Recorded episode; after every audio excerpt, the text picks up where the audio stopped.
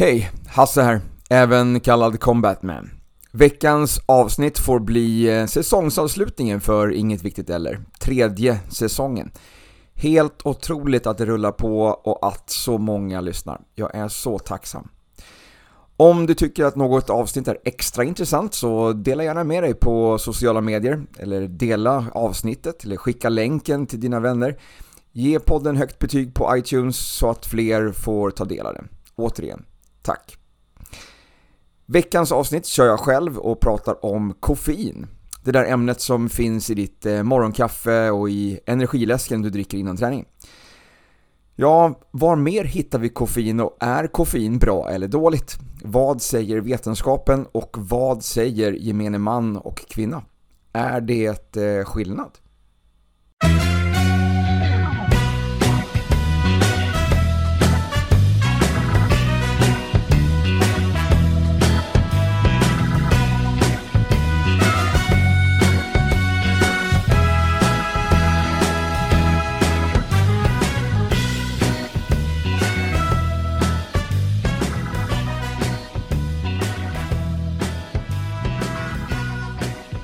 Veckans ämne är alltså koffein. Ett ämne som många anser är eh, livsviktigt och andra lite farligt. Så vad jag har kommit över under mina timmar de senaste veckorna, som jag har letat information, är att det anses finnas både fördelar och nackdelar för vår hälsa att konsumera koffein. Studier som visar på helt olika slutsatser. Jag har inte bara läst studier på PubMed, jag har lyssnat på flertalet andra poddar och jag har läst inlägg i olika forum. Och eh, det finns onekligen två läger här. Men det är inte bara träningsfolk som säger att koffein är bra och tvärtom. Så jag tänkte att jag delar med mig av det jag kommit över, sen får du som vanligt göra som du vill. Tilläggas kan göra att jag är en sån person som aldrig druckit kaffe. Smaken har aldrig riktigt tilltalat mig och jag har inte riktigt förstått syftet med att dölja smaken av något med eh, till exempel mjölk, grädde och socker. Är det inte gott så är det inte gott. Jag har också iakttagit min mammas relation till kaffe. Hur hon använt det som belöning till sig själv när hon slutfört en syssla eller något som hon har haft att se fram emot efter att hon tagit den här långpromenaden med hunden eller grävt färdigt i rabatten. På ett sätt så tycker jag väl att den relationen är bättre än den att försöka bli pigg och få mera energi av att dricka kaffe. Att njuta av en kopp. För du vet väl att eh, du inte får någon energi utav kaffe? Jag berättar mer om det senare. Tillbaka till mitt eh, favoritämne, enligt mitt ex, mig. För övrigt så sa hon att jag hade två brister.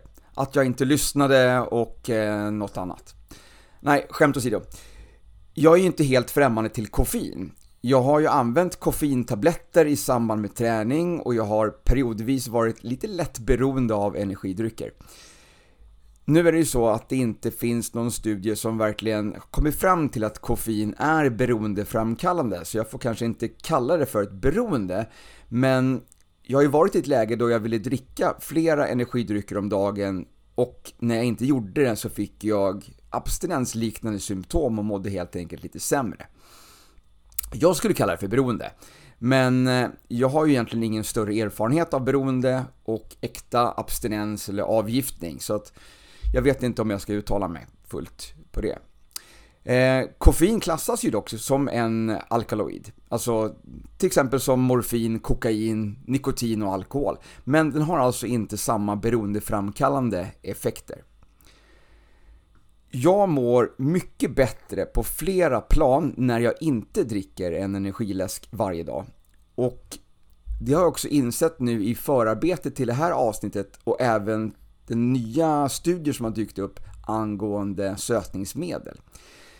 Så min tanke är att jag ska sluta med både läsk och energidrycker från och med nu.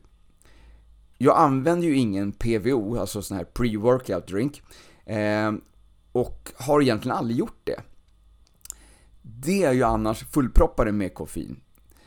Vad jag istället dricker är ju Fitlines eh, Activise Oxy Plus. Den innehåller lite koffein från Guarana, men bara 10 mg per skopa. Och även om jag tar lite mer än dagsdosen så överstiger jag sällan ett, eh, alltså 100 mg per dag. Och det finns ju en anledning till att Activise innehåller koffein. Activise Oxyplus är ju ett B-vitaminkomplex. B-vitaminerna är involverade i energiomvandlingen i våra celler. Det är alltså B-vitaminerna som omvandlar näringen vi stoppar i oss till energi. Men B-vitaminerna är väldigt flyktiga och de används snabbt och det som inte används direkt, det rensas ut ur kroppen. Men koffeinet binder B-vitaminerna så att det får en längre utsöndringstid och på så sätt även en längre energitillförsel. Så därför är det lite guarana i Activise tillsammans med C-vitamin och det här algextraktet som ökar syreupptaget. Så det är lite grann som min PVO eller heldags energikälla. Jag dricker lite Activise hela dagen, lite då och då. En klunk här, en klunk där och kanske lite mer inför ett hårdare träningspass eller en klass där jag kommer delta själv som en body pump eller en body combat.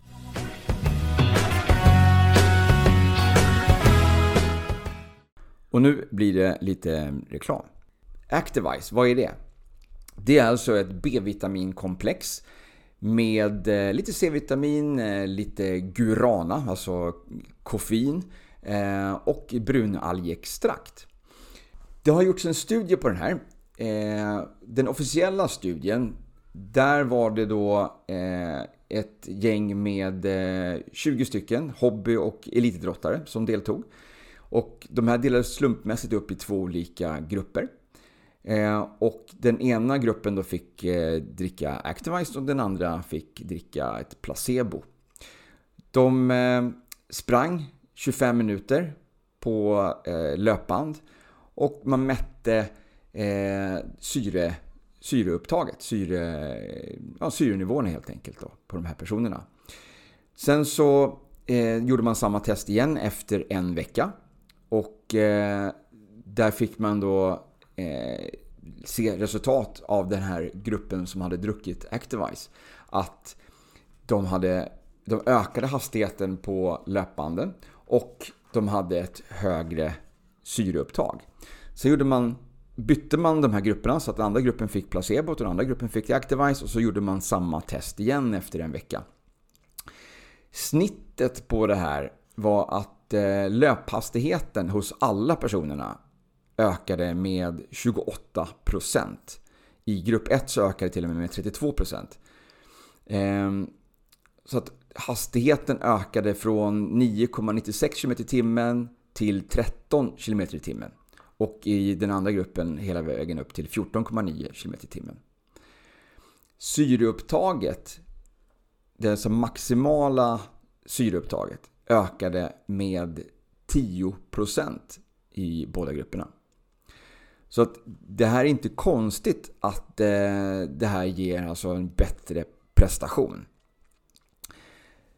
Så det här är ju en produkt som jag använder eh, dagligen, varje, varje morgon eh, och även under dagarna inför, inför träningspass.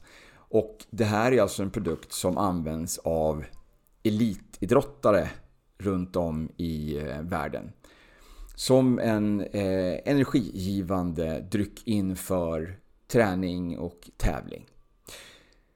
Så är du nyfiken på att prova så säljs den här i eh, eh burk för, med eh, 30 dagsportioner. Eh, så du kan läsa mer om den i min webbshop www.goforfitline.se med en 4.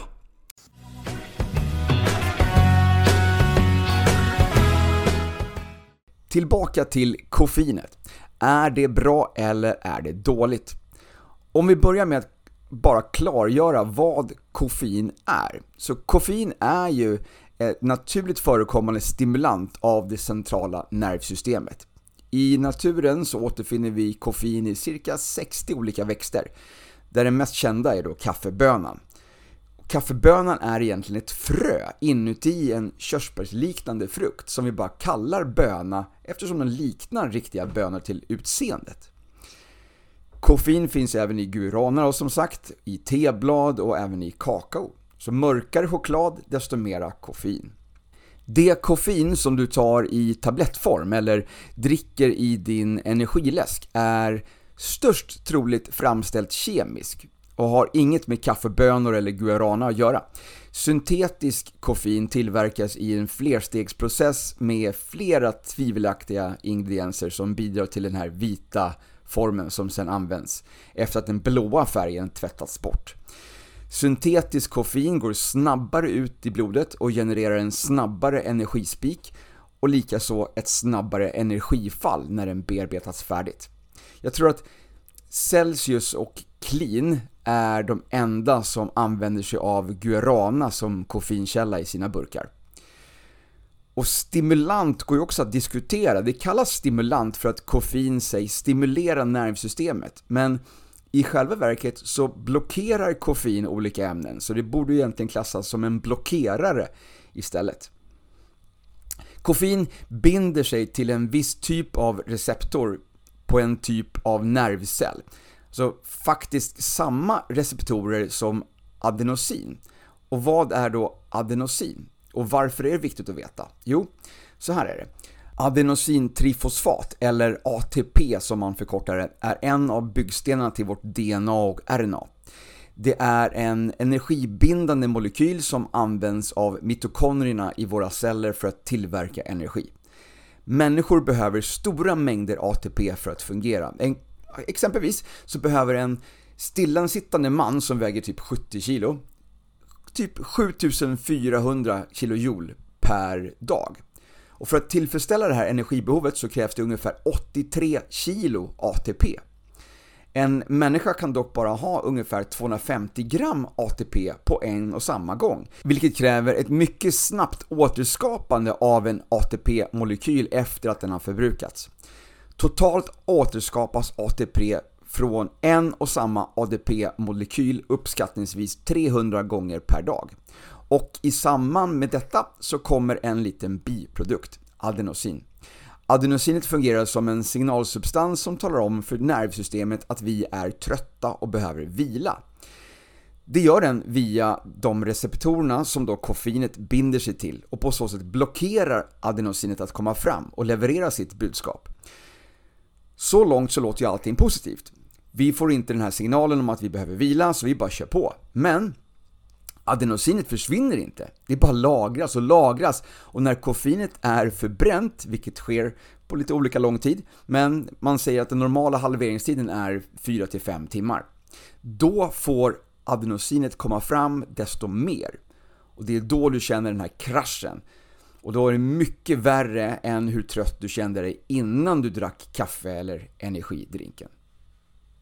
Så genom att koffeinet blockerar adenosin så blir du alltså inte lika trött. Men du får inte mer energi. Tack vare att adenosinet inte kommer fram så känner du dig mindre ansträngd när du tränar och får även en hämmad smärtupplevelse. Därför kan du uppleva att du orkar mer. Så med andra ord så kommer du kunna lyfta tyngre och träna längre tid med koffein i kroppen. Men då kommer vi osökt in på nästa viktiga faktor, när och hur mycket koffein bör du konsumera för att få önskad effekt?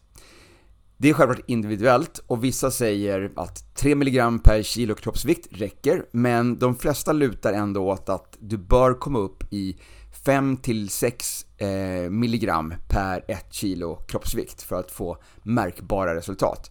Så snabbt uträknat så innebär det att om du väger 60 kilo, någonstans mellan 300-360 milligram, väger du 70 kilo, 350-420 milligram och om du väger 80 kilo, 400-480 milligram.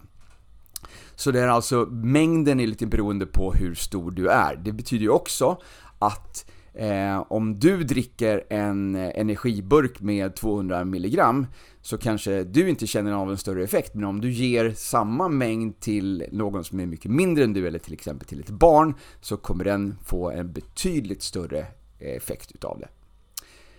Men du kan också vänja kroppen att bygga upp en tolerans. Och då krävs det ju högre doser för att få resultat. Toleransen börjar redan de första dagarna som du druckit koffein och ökar sen med tiden. Så om du ska använda koffein effektivt så bör du bara använda det typ 2-3 dagar i veckan. Och då med höga doser i samband med dina hårdaste träningspass. För att sen avstå från koffein för att igen få den här effekten igen.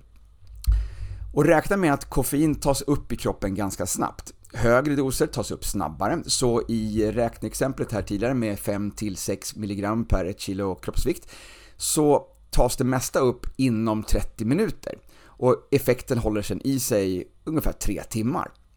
En mindre mängd koffein kan ta upp till en timme innan det når maximala nivåer och eh, upptaget kan bli fördröjt med två timmar eller längre om man tar koffein i samband med måltid.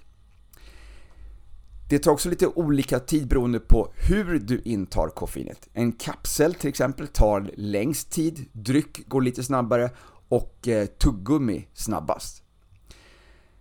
Rökare bryter ner koffein snabbare och eh, preventivmedel i tablettform ger en långsammare utsöndring av koffein. Så om man ska använda koffein för att öka prestandan när man tränar så bör man alltså begränsa antalet dagar per vecka som man använder det för att inte bygga upp en tolerans och hela tiden behöva öka dosen. Du bör även räkna vilken mängd som du behöver för att nå optimal nivå samt tänka på halveringstiden. Kanske inte så smart att ta en hög dos koffein på eftermiddagen då den sannolikt kommer förstöra din nattsömn. För ja, koffein förstör sömnen. Det är det väl ändå inte någon som argumenterar mot. Inte heller så smart att kliva in på en tävling till exempel och där och då testa vilken mängd som är optimalt för dig. Risken är ju då att du antingen tar för liten dos och inte känner av så mycket, eller kanske att effekten kommer för sent, eller så tar du för mycket och bara står och skakar i ett hörn och kanske mår så illa att du inte kan koncentrera dig och inte klarar av din, eh, din träning eller komma upp till din normala nivå ens. Risken är också stor att du blir dålig i magen av för mycket koffein. Och inte kul att stå där inför ditt personbästa i marklyft och känna att du behöver gå på toa. Testa dig fram helt enkelt. Många reagerar olika på koffein, så 5 mg per kilo kanske inte alls passar dig. Tänk också på att en hög dos på eftermiddagen inför en tävling eller ett hårt träningspass kanske gör att du inte kan somna på kvällen, så dagen efter blir förstörd. Så dagen efter bör du vila från koffeinet och istället sova om du är trött. Koffein kan aldrig gottgöra för en dålig nattsömn, endast mer sömn kan göra det. Och koffein ger dig inte energi. Det är bara mat eller näring som kan ge dig mer energi. Nu då, till lite roliga jämförelser. Hur mycket koffein kan man hitta i det du äter och dricker? Koffeintabletter är ju absolut enklast att räkna på. De säljs ju på flera av de här stora internetbutikerna, hälsokostbutiker och även på apotek. Köp tabletter med lägre doser så att du kan experimentera dig fram till vad som passar dig bäst. Eller prova att halvera till exempel en sån här 200 mg tablett. Så här är ju doserna enkla att anpassa själv. Om vi fortsätter med mer tillskott så har vi två andra populära som innehåller mycket koffein, PVO och bantningspreparat. Så PVO står ju som sagt för pre-workout och det är alltså något som man tar före träningen för att känna sig mer pigg, alert och minska trötthetskänslan och höja smärttröskeln helt enkelt. Då. Eh, PVO är ofta fulladdade med koffein, även om det nu dykt upp några koffeinfria varianter. Övriga ingredienser är ofta beta-alanin och ibland även kreatin. Nu har det kommit fram nya varianter av PVO som är klifria, det vill säga utan beta-alanin. Det har diskuterats länge om koffein motverkar kreatinets effekt eftersom den ena är vätskedrivande och den andra binder vätska. Men som sagt, att koffein skulle vara särskilt vätskedrivande är det fortfarande inte helt klara evidens för. Så om koffein på något sätt skulle försämra för kreatin så är det marginellt. Beta-alanin är en aminosyra som kortfattat bidrar till att minska mjölksyran i musklerna och på så sätt se till att muskeln orkar mer.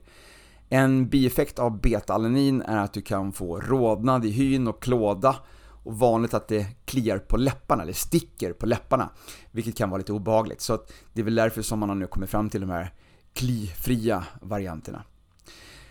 Sen har vi då alla möjliga bantningspreparat. De här innehåller också mycket koffein och det är ju för att koffein ökar din totala energiförbrukning över dygnet. Forskningen är ännu inte helt överens om varför. En tes är att det ökar adrenalinet i kroppen och aktiverar beta-receptorerna och då ökar kroppstemperaturen. En studie visade på en ökning av den totala energiförbrukningen med 13% efter ett intag av 10 mg koffein per kilo kroppsvikt. Så också ganska höga nivåer här nu med koffein som du hör. Sen är grönt teextrakt, ingefära, hallon, ketoner är andra ingredienser som sägs öka förbränningen som finns i de här bantningspreparaten. Vissa som tagit de här upplever viss förändring, men de flesta får inte ut något alls förutom lite hjärtklappningar. Jag tror att det handlar mycket om hur du lever i övrigt. Du kan inte fortsätta med en ohälsosam livsstil och tro att en liten kapsel ska hjälpa dig att gå ner i vikt. Men om du samtidigt lägger om din kost och börjar träna så kommer du att se resultat. Om det då är pillret förtjänst eller inte, ja, det kan vi diskutera vidare om i en annan podd. Det finns helt enkelt ingen quick fix. Om du som lyssnar är ute efter att minska lite fett på kroppen så coachar jag i ett viktminskningsprogram, eller snarare hjälp till livsstilsförändring, som du kan läsa mer om på min andra hemsida som heter www.jagvillmabra.se, alltså jag vill må bra men med A. Både i de här bantningspreparaten och PVO kan du hitta lite olika mängder koffein från 2 till 400 mg per portion. Okej, läsk då. Pepsi, Coca-Cola, Mountain Dew är de här populäraste koffeinläskerna. Där har man eh, listat koffeinet som aromämne, alltså smaksättare. Och eh, i de här vanliga koladryckerna så innehåller de ungefär 9,7 till 10,5 mg per 100 ml. Pepsi Max har 12 mg och Mountain Dew har 14,5. Ehm, de här energiläskerna som jag kallar det för, det vill säga Red Bull, Power King, Kong, Bang och Monster, ja, häftiga namn. Ehm, de har ungefär 30-32 mg per 100 ml. Så de mindre burkarna som är på 250 ml har alltså typ 80 mg per burk, medan du får alltså det dubbla i Bang och Monster, eftersom deras burkar är liksom på en, en halv liter stora. De här eh, funktionsdryckerna, som det kallas för, alltså Celsius, Nocco, GAM och Clean Drinks, de har någonstans mellan 54 till 56 mg per 100 ml. De flesta av de burkarna är på 330 ml, så det betyder att du får ungefär 180 mg koffein per burk. Sen kommer vi till kaffe då. Här varierar det väldigt mycket på bönorna och hur länge de har rostat. Vanligt starkt bryggkaffe har ungefär 80 mg per 100 ml. Så en kaffekopp på 150 ml har du alltså 120 mg. Så för 100 ml eh, espresso så är det 200 mg. Så att en shot då är ungefär 50 mg och en dubbel då ger 100 mg. Eh, cappuccino 70 mg, så en 150 ml kopp ger 100 mg koffein. Kaffe latte 40 mg, så 250 ml glas 100 mg. Och sen svart te 40 mg, så där är vi också kanske en, ungefär samma då som kaffe latte. Eh, eller i 200 ml kopp så blir det 80 mg koffein. Grönt te, halva det. Eh, till drycken så kan du också öka koffeinetaget med en bit choklad. Här skiljer sig det också väldigt mycket. Så mjölkchoklad har någonstans mellan 3 till 54 mg per 100 gram och samma mängd mörk choklad har ungefär 20 till 125 mg koffein. Och rekommenderat maxintag av koffein är ungefär 400 mg per dag för en frisk vuxen person. Och 200 mg för en gravid säger man då. Men i många av de här fallen så får du också faktiskt i dig en hel del socker med på köpet. Några av de här läskerna har socker i form av glukossirap, så en burk Monster på 500 ml ger då hela 60 gram kolhydrater. Så här får du i dig en hel del energi. Som eh, Johannes Kullberg nyligen demonstrerade på eh, Instagram så är det alltså 15,5 sockerbitar i en sån burk, alltså 55 gram sockerarter. Det rekommenderade dagliga maxintaget av socker enligt Livsmedelsverket för en vuxen person är ungefär 50-75 gram. Så med andra ord så är det kvoten typ fylld med en burk monster med socker. Men läsk är ändå inte den största sockerboven här. På Starbucks så kan du köpa en Venti, alltså en extra stor, eh, nästan 7 deciliter, sån här vit chokladmocka med vispgrädde. Den har nästan 74 gram socker. En eh, sån extra stor chai tea eh, latte har 52 gram socker. Och du som springer förbi, förbi kaféet här nu bara i farten och tar en sockerfri latte får ändå med dig typ 18 gram mjölksocker per halvliter. Sätter du dig på till exempel Waynes Coffee House och tar en liten kopp cappuccino så får du 8 gram socker. Och slutligen i jämförelse med en burk Coca-Cola som alltid används som referens så innehåller en sån burk 10,6 gram per 100 ml. Det vill säga en 33 centiliters burk har motsvarande 35 gram socker. Så du känner dig inte bara mindre trött tack vare koffeinet, du får också en lätt sockerchock och en eh, energiboost av allt socker. En energiboost som håller en ganska kort tid. Men när kroppen fått kämpa med att rensa ut både koffein och socker så kommer du att vara helt utmattad. En annan sak som jag läste var att ungefär en vecka efter att kaffet har rostats så börjar det växa mögel i det. Och det är därför som det är så viktigt att vakuumförpacka kaffe. Men efter att du öppnat förpackningen så bör den alltså konsumeras inom en vecka. Så jag skulle tro att den största mängden av hembryggt kaffe, eller det som du dricker på jobbet, är av mögliga kaffebönor. Mögel är självklart inte bra för oss och när vi får mögel in i kroppen så får vi en immunförsvarsreaktion.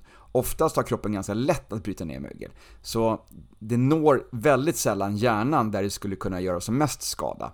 Men varför ens utsätta immunförsvaret för den här ytterligare stressen? Det är heller ingen garanti att kaffet du köper färdigt är färskt, men du slipper tänka på det om du använder kapslar. Kaffe är ju också fullt av bekämpningsmedel, så köp kravmärkt eller ekologiskt odlade kaffebönor. Okej, okay, så nu tillbaka till koffeinet. Vi kan konstatera att det gör så att vi känner oss piggare och mindre trötta. Vi får en ökad koncentrationsförmåga med rätt dosering. Det gör så att vi orkar mer och minskar även känslan av smärta, vilket då är väldigt bra när det kommer till en intensiv eller hård träning. Så långt är allt positivt. Men det finns de som säger att koffein inte är bra för oss. Nu pratar jag inte om de här löpsedlarna från kvällstidningarna om att någon farit illa av att ha druckit alldeles för mycket energiläsk. Men alltså visst, det är farligt med för mycket koffein. Typ 20 mg per kilo kroppsvikt. Jag på 70 kilo skulle alltså behöva 1400 mg. Det är nästan 8 burkar Nocco med andra ord. Och det skulle innebära en enorm påfrestning på kroppen. Binjurarna, levern och hjärtat och om jag samtidigt skulle utsätta mig för alkohol så skulle det få förödande konsekvenser. Med ett okänt hjärtfel så skulle jag i det läget vara död. Så Monster och Red Bull som båda innehåller taurin som stimulerar hjärtfrekvensen har större påverkan på hjärtat.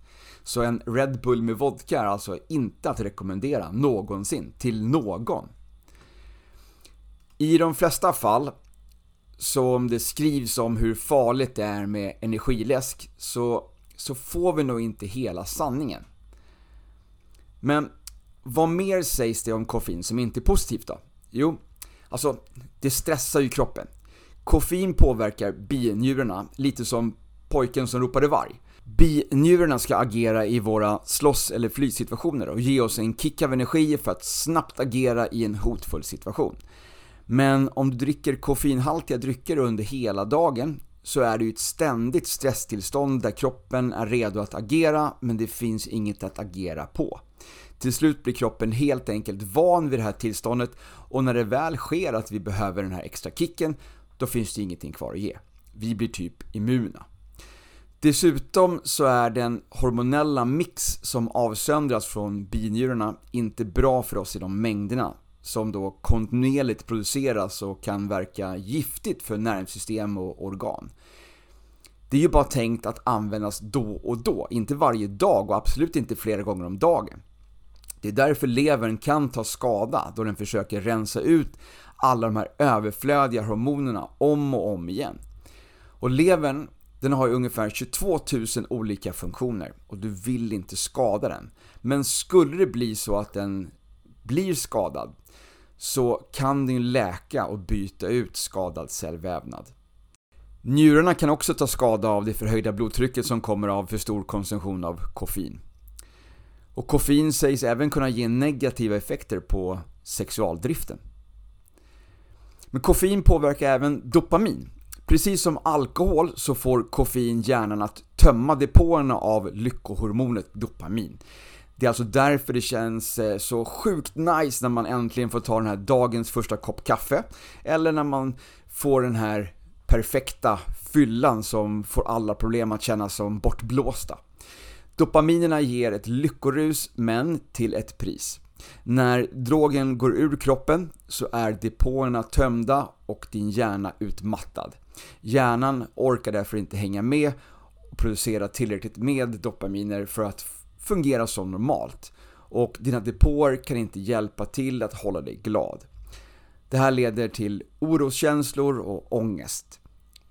Det här drabbar inte alla lika hårt, men om du skulle vara en av dem som drabbas av ångest efter stort koffeinintag så kan träning vara ett effektivt sätt att undvika den. Så att öka stresshormoner som kortisol och epinefrin samtidigt som du dränerar hjärnan på dopamin är alltså ingen skön kombination och kan göra det svårt att tänka klart. På grund av att det överöser din hjärna med dopamin kan det också göra att du tappar ditt driv och motivation att göra saker när du inte tillför koffein. Du tappar helt enkelt glädjen att göra saker utan koffein. Kvinnor har i regel samma toleransnivå för koffein, men som jag sa tidigare så rekommenderas en lägre maxnivå till kvinnor som är gravida. Men det är i första hand för barnets skull. Det sägs även att höga nivåer av koffein kan minska chansen att bli gravid. Det här är troligtvis för att koffein hindrar upptaget av olika B-vitaminer, bland annat folsyra, som är viktigt för att bli gravid och för utveckling av fostret. En studie från 2016 påvisar en 74% ökad risk för missfall om man dricker tre eller fler koffeinhaltiga drycker per dag inför en graviditet. Många studier som gjorts på effekterna av koffeinintag och styrketräning har i snitt endast haft 13% kvinnliga deltagare, men 2021 så gjorde man en analys av åtta studier med fokus på kvinnor och träning och där kunde man se att kvinnor får samma effekt både för maktstyrka och ork till fler repetitioner som män. När jag tidigare gjorde research om mens och PMS så framkom det även där att koffein kunde ställa till det en del. Allt från att påverka humöret till själva menscykeln och till och med att hämma ägglossning. Utan ägglossning så producerar kroppen inget progesteron och går då miste om alla dess fördelar. Så i många sammanhang så har jag läst och hört att det som slutat med koffein eller minskat intaget markant fått flera positiva effekter. Men inte bara mensrelaterade saker utan även med huden, vikten och olika matcravings. Flera pratade även om hårförtunning och hårbortfall i unga åldrar.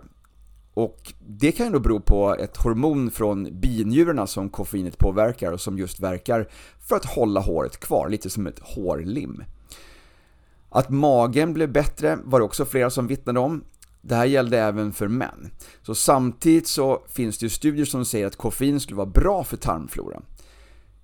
Tidigare har man även pekat på att kaffe skulle vara orsaken till magsår, men det är nog snarare stressen som försämrar immunförsvaret som är orsaken.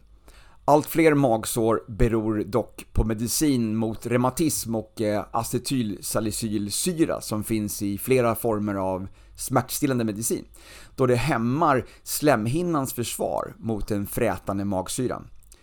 Däremot så kan kaffets syrliga egenskaper innebära en risk för lösare avföring. Syran ökar produktionen av gallvätskan som i sin tur passerar ut i tarmarna och orsakar diarré.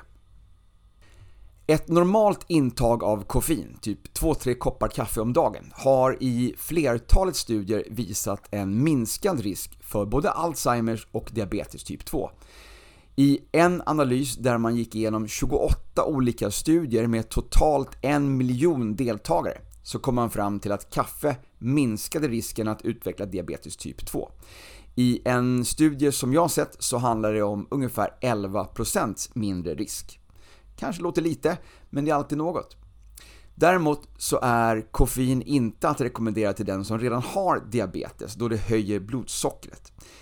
Rent kaffe verkar inte ha någon större effekt på att höja blodsockret eller glukosen i blodet, men koffeinet i kaffet kan påverka känsligheten av insulin, så det är alltså inte att rekommendera till personer med diabetes. Samma intag av koffein har också visat sig minska riskerna för strupcancer, levercancer, stroke, astma och kronisk inflammation. Matcha-te och choklad sägs vara anti-aging och få konsumenten att leva längre. Allt handlar väl som vanligt om balans och ett måttligt intag. Eftersom en högre konsumtion av kaffe verkar få motsatt effekt och istället ge ett för tidigt åldrande.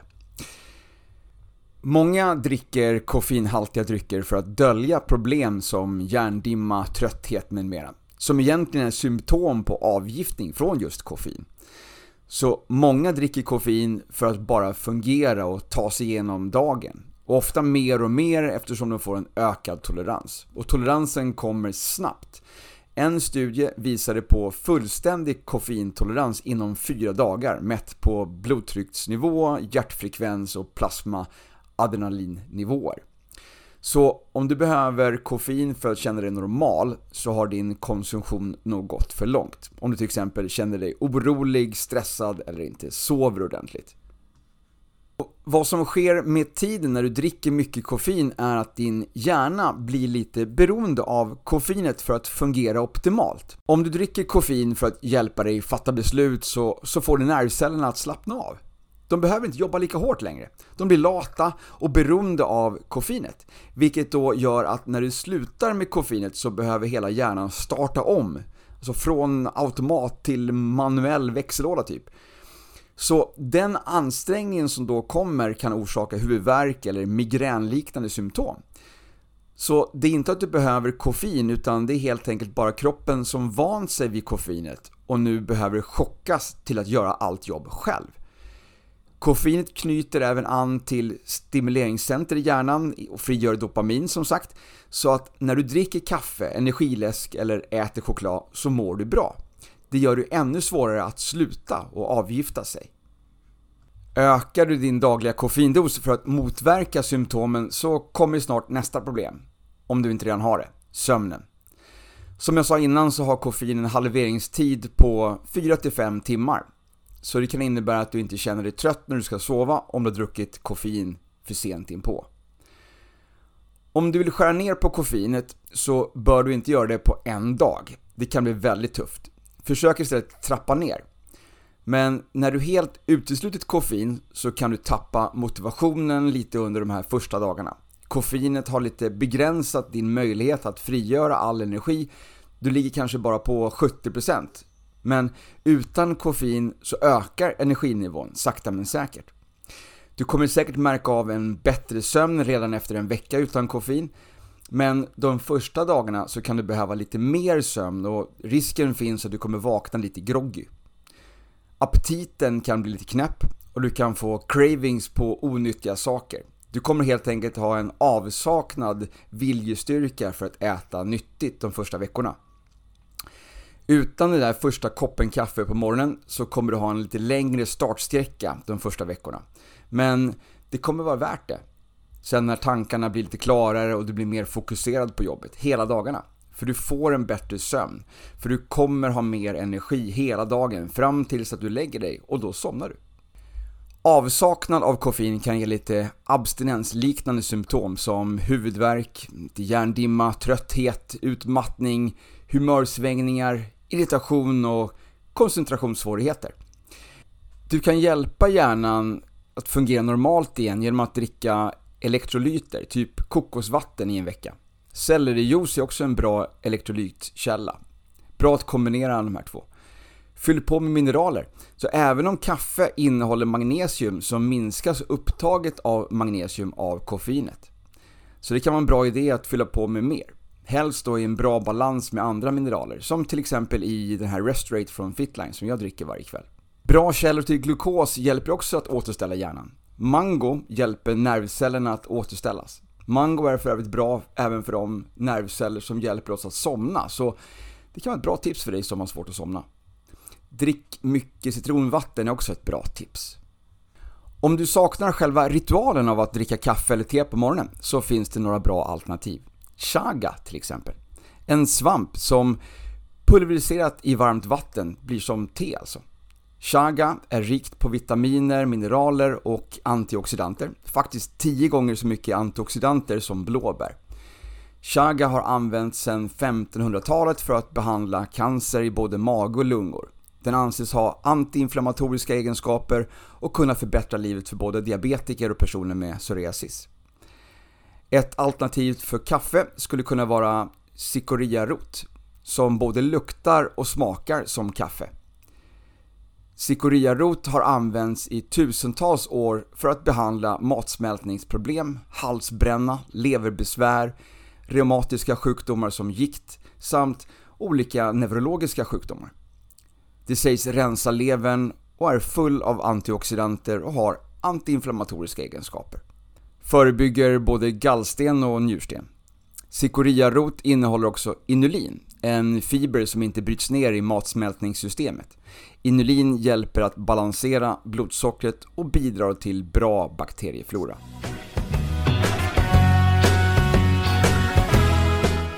Sammanfattningsvis, måttlig mängd koffein verkar vara bra för allmänhälsan.